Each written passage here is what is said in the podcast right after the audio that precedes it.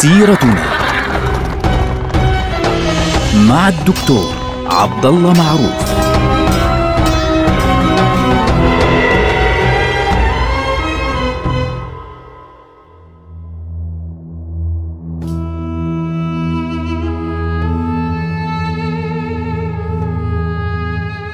السلام عليكم ورحمة الله وبركاته. سيرتنا سيرة هذه الأمة العظيمة ونحن الآن في أزهى عصور الدولة العباسية عصر هارون الرشيد. استلم هارون الرشيد الحكم في عام 170 للهجرة الموافق 786 للميلاد. طبعا فترة حكمه دامت 23 عاما. يعني لسنة 193 للهجرة اللي هي بالميلاد بتطلع 809 طبعا 23 سنة هجرية عندما نتكلم عن السنوات طبعا الرشيد يذكره العلماء بالتعظيم وبالإجلال الكبير. يعني يقول فيه السيوطي يقول وكان من أميز الخلفاء وأجل ملوك الدنيا وكان كثير الغزو والحج طبعا هارون الرشيد يعني من أشهر بل هو أشهر وأجل ملوك بني العباس. يعني الرجل انتشر اسمه في كل مكان لدرجة أنه اسمه ورد طبعا في آه، قصص ألف ليلة وليلة. وهذه القصص طبعا ذكرته بشكل مسيء يعني للأسف. يعني تتكلم عن الخمر والنساء وغيره. طبعا هذا كلام غير صحيح. أيضا بعض الناس وصل به الأمر إلى أنه يعني يتكلم عن هارون الرشيد بأنه والله ما في سنة إلا إما يغزو عاما ويحج عاما يغزو عاما ويحج عاما.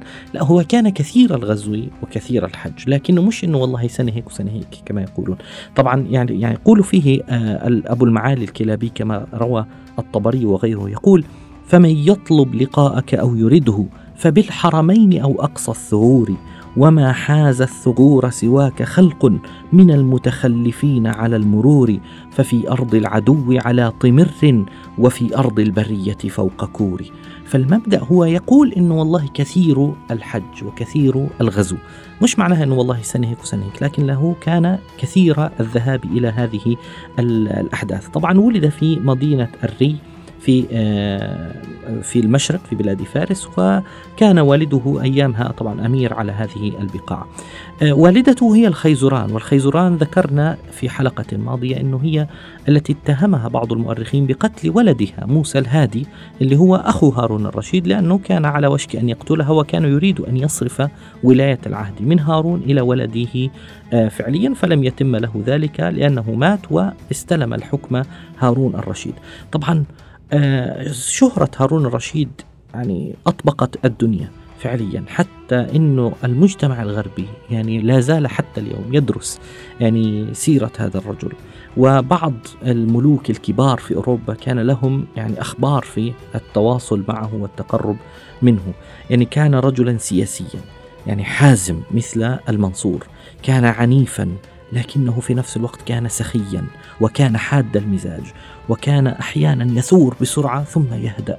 يبكي عندما يسمع ذكر الله عز وجل وذكر رسول الله صلى الله عليه وسلم ولا يعني لا يلبث إلا أن ينتفض عندما يرى حرمات الله عز وجل تنتهك ويفرط أحيانا في الانتقام. ف يعني أحيانا يظهر رحمة متناهية كان متدينا وكان ورعا فالرجل كان يعني يعد عصره العصر الذهبي بكل ما تحمل الكلمة من معنى للدولة العباسية. طبعا لنذكر بعض هذه الأحداث التي تبين لنا فعليا أن الرجل كان عنده هذه السمة الجميلة فعليا. يعني في يوم من ذات الأيام يعني بلغه عن رجل أنه يقول بخلق القرآن. كانت لسه بداية. إحنا ذكرنا مرة أنه في عهد المهدي ظهرت حركة الزنادقة ورد عليها فعليا بالفلسفة ودراسة الفلسفة والترجمة إلى آخره. فبدأ الفكر المعتزل بالظهور قليلا لكنه لم يكن قد انتشر. فبلغه أن هناك من يقول بخلق القرآن. فقال والله لئن ظفرت به لأضربن عنقه.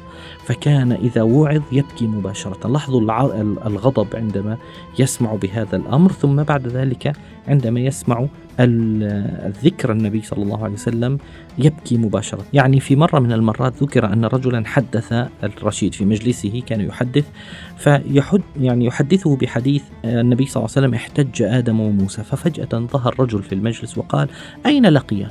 فغضب الرشيد وقال النطع والسيف زنديق يطعن في حديث النبي صلى الله عليه وسلم. قبل ما يسأل عن النبي صلى الله عليه وسلم عن الحديث أنه صحيح مش صحيح كذا مباشرة ورد واحد يعني يستهزئ بهذا الحديث ومباشرة قال زنديق يطعن في حديث النبي صلى الله عليه وسلم. فالراوي اسمه أبو معاوية يقول فما زلت أسكنه وأقول يا أمير المؤمنين كانت منه نادرة حتى هدأ.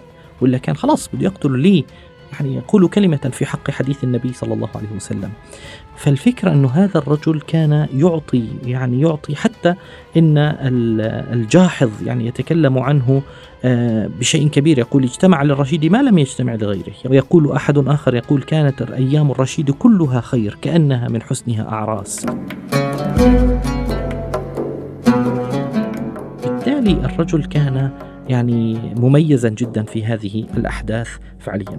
طبعا علاقته مع العلويين في البداية كانت علاقة جيدة. يعني حاول أنه يصلح ما بينه وبين الطالبيين العلويين عكس ما عمل الأخو اللي هو موسى الهادي.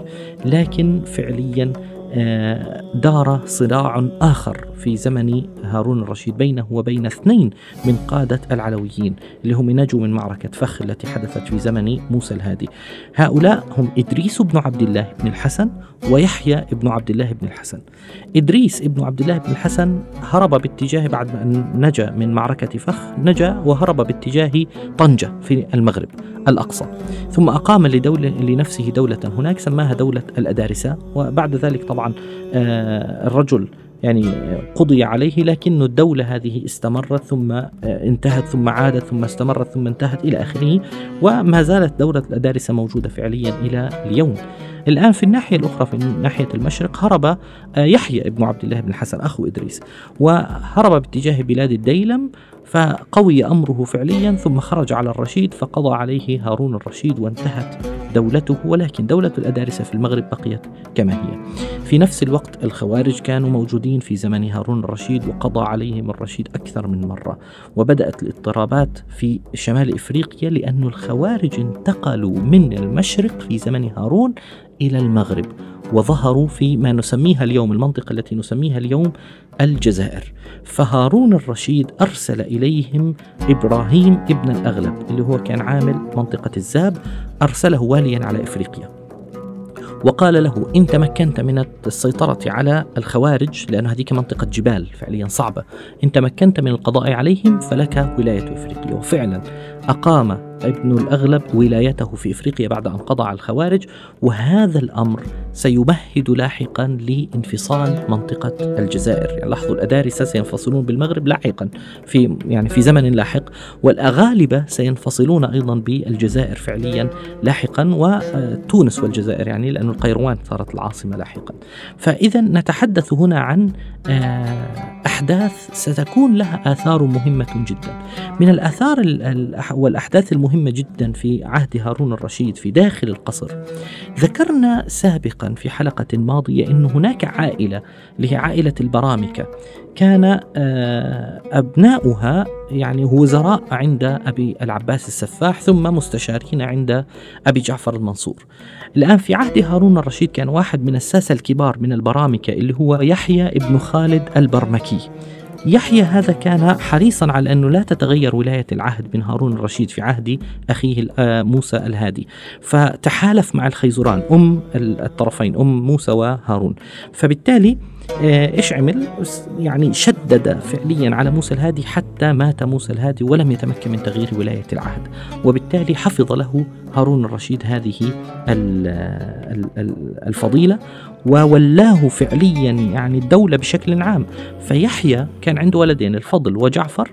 بدأ يدير الدولة بكل ما تحمل الكلمة من معنى يعني مع التحالف مع الخيزران اللي هي شخصية قوية جدا.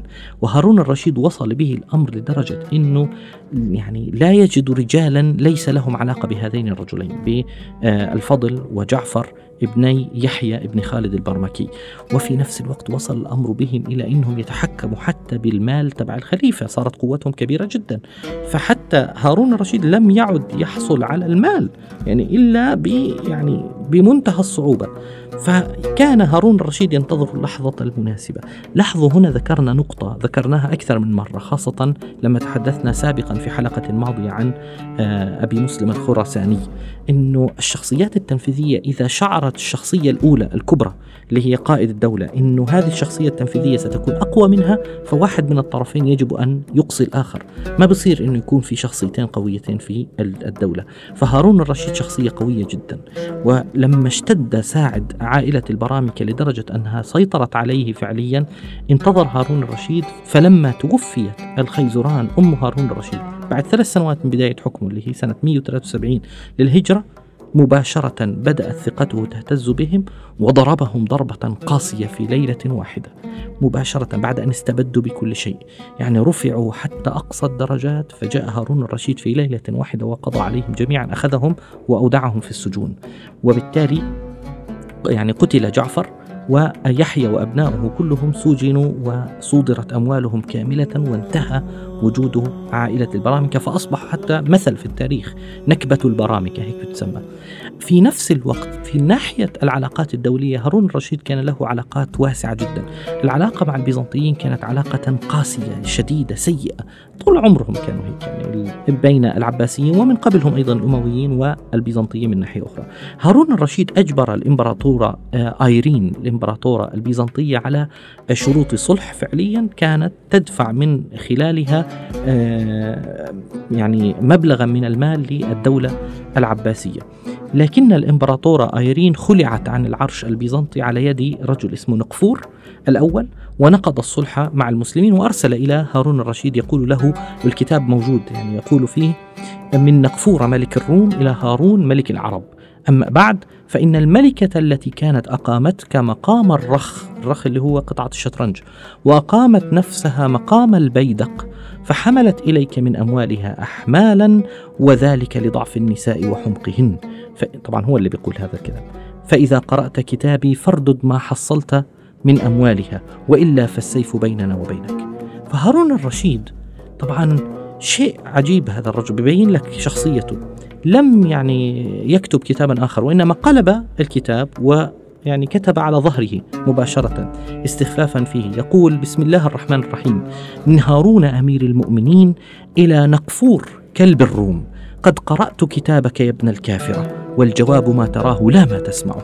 ثم حمل حاله وجهز جيشه وخرج بنفسه حتى نزل إلى مدينة هرقل وفتح هذه المدينة وقاتل هذا الرجل قتالا عنيفا جدا حتى أجبره فعليا على أن يعني يعتذر يرسل له ويعتذر ويعيد الدفع. طبعا بعد ذلك قرر نقض الهدنة مرة أخرى ثم يعني استجدت المشاكل والقتال بين هارون الرشيد وبين نقفور.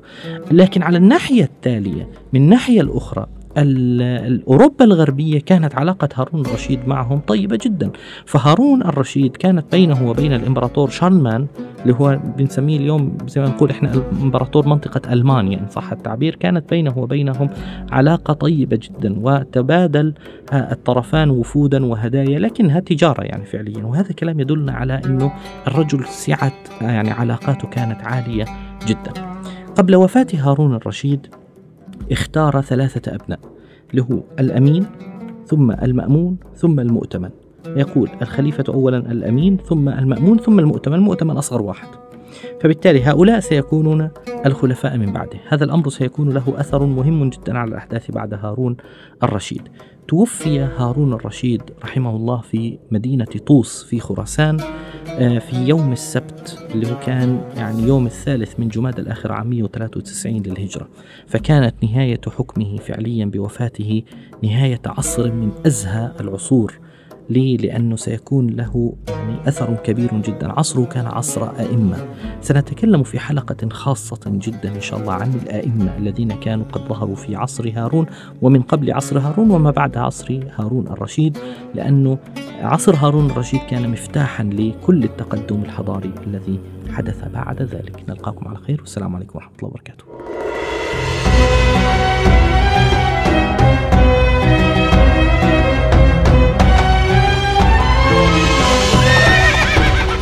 سيرتنا مع الدكتور عبد الله معروف.